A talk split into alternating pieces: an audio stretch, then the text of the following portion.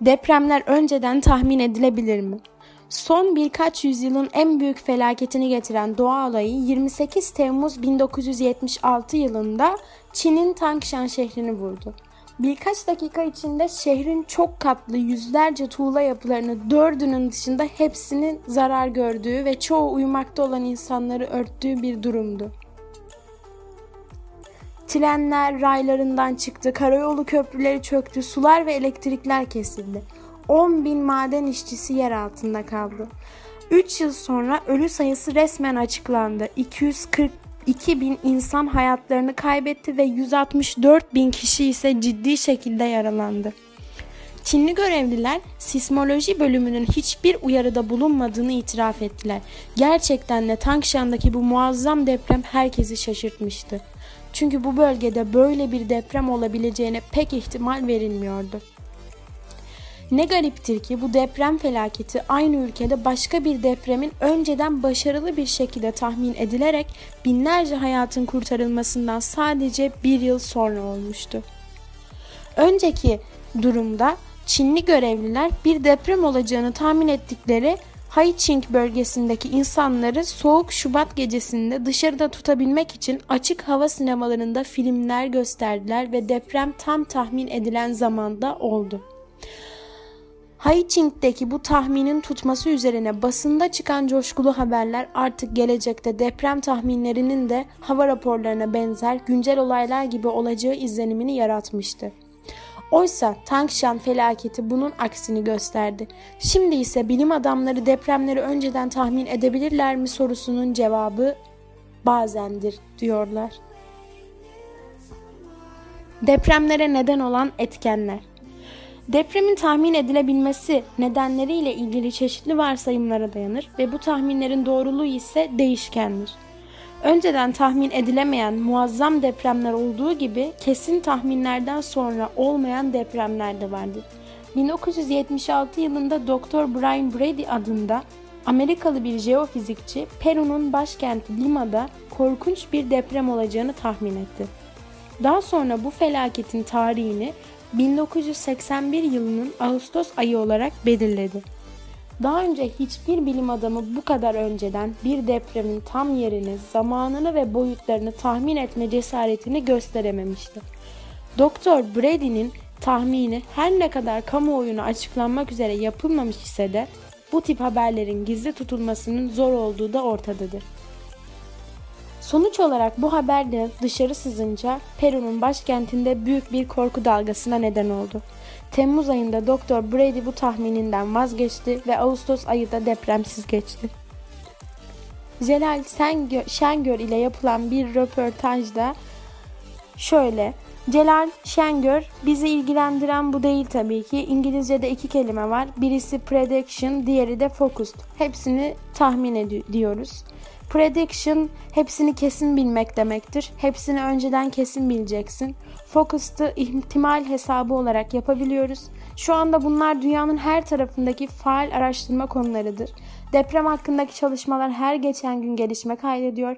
Mesela deprem tetiklemesi hakkında çok yakın zamana kadar hayır efendim bunlar birbirini tetiklemezler diyorduk. Fakat 1999 depreminden sonra Hiro Karamori gösterdi ki İstanbul depremi bütün Yunanistan ve Ege'deki depremleri tetikledi.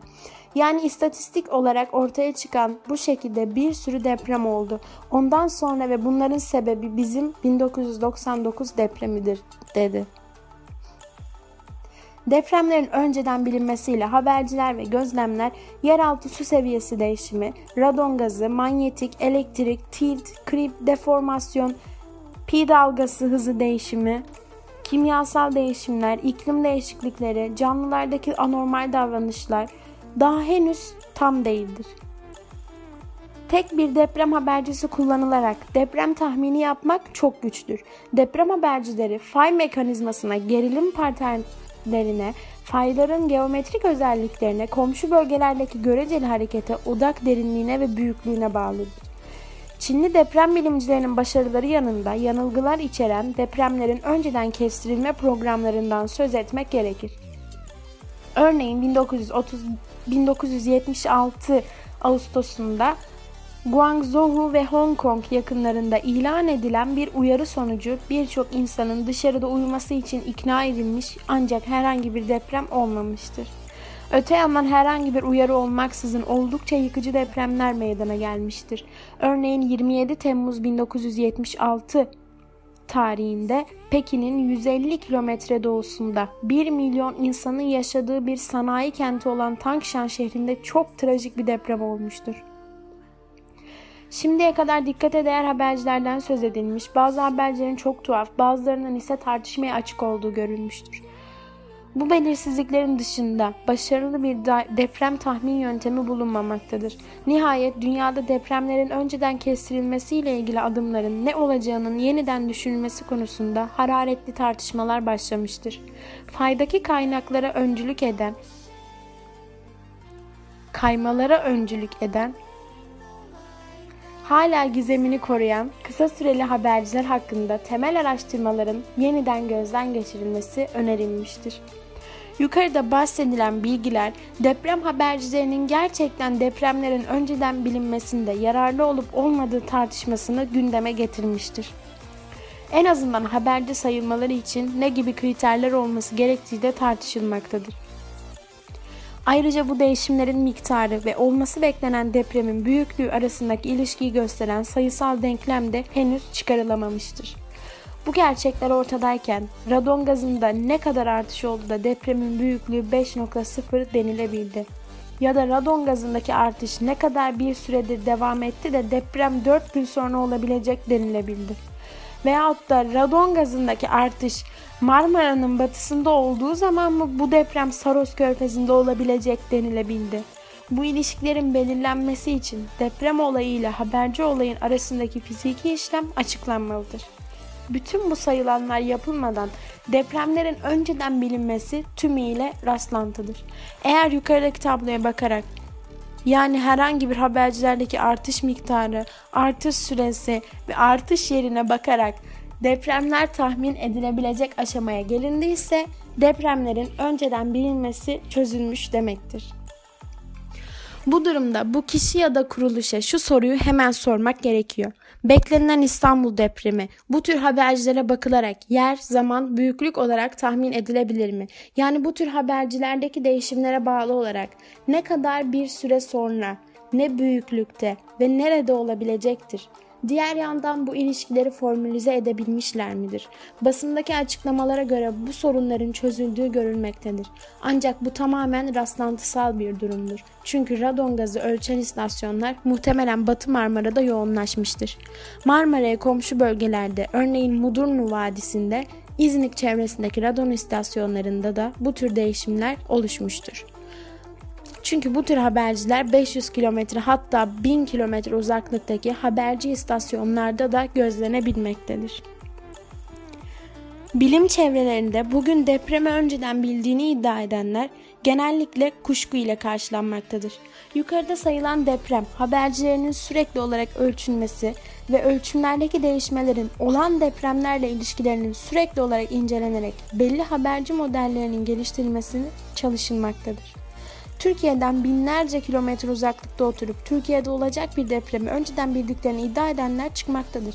Türkiye'nin herhangi bir kırık hattı üzerinde genellikle birkaç yüz kilometrelik alan içinde biriken ya da birikmiş bir enerjinin açığa çıkacağı bir depremin oluşması olasılığını çok uzaktan algılamak için ancak ve ancak bu enerji biriken ve deprem olacağı varsayılan bölge içinde sürekli olarak ölçüm yapılabilen noktaların olması gerekir. Depremlerin önceden bilinmesi için son 20-30 yıl içinde giderek yoğunlaşan çalışmalar somut bir sonuca ulaşamamıştır. Bunun bir nedeni büyük depremlerin tekrarlanma aralıklarının en az 70-150 yıl olmasıdır. Deprem habercilerini izleme çalışmalarının en azından depremin yinelenme süresi en az 30 yıl öncesi kadar bir zaman geçtikten sonra bir sonuç vermesi beklenmelidir. Görünüş en azından gelecek yüzyılın ortalarına kadar depremlerin önceden bilinmesi konusunda somut bir sonuç alınamayacağıdır.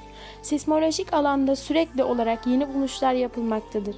Dünyanın değişik ülkelerinde güvenilir kaynaklardan deprem uyarıları, uyarıları yapılmaktadır. Park Fight California projesi Avrupa'da depremlerin önceden kestirilmesiyle ilgili çalışmalar konusunda olumsuz görüşme, görüşlerin oluşmasına neden olmuştur. Park Fight depremi başarıyla tahmin edilmiş olsaydı bile maddi kayıp, bölgedeki sosyal karışıklık, ekonomik yatırımların azalması gibi sorunlar engellenebilir miydi gibi görüşler ortaya atılmıştır. Çok kısa süreli deprem tahminleri, sadece evde, iş yerlerinde, hastanelerde, yangın söndürmelerde ve hayat kurtarmada nasıl davranılacağı gibi deprem tehlikesini en hafif şekilde atlatılması konusuna izin verecek kadar kısa bir süre içermektedir. Diğer yandan daha uzun bir zaman öncesinden deprem uyarısı yapılsa bile sosyal karışıklığı, işlerin durması, yatırımların kesilmesini ve okulların kapanmasını engellemek mümkün olamamaktadır. Bu tür haberler arazi ve rant spekülasyonuna da açıktır.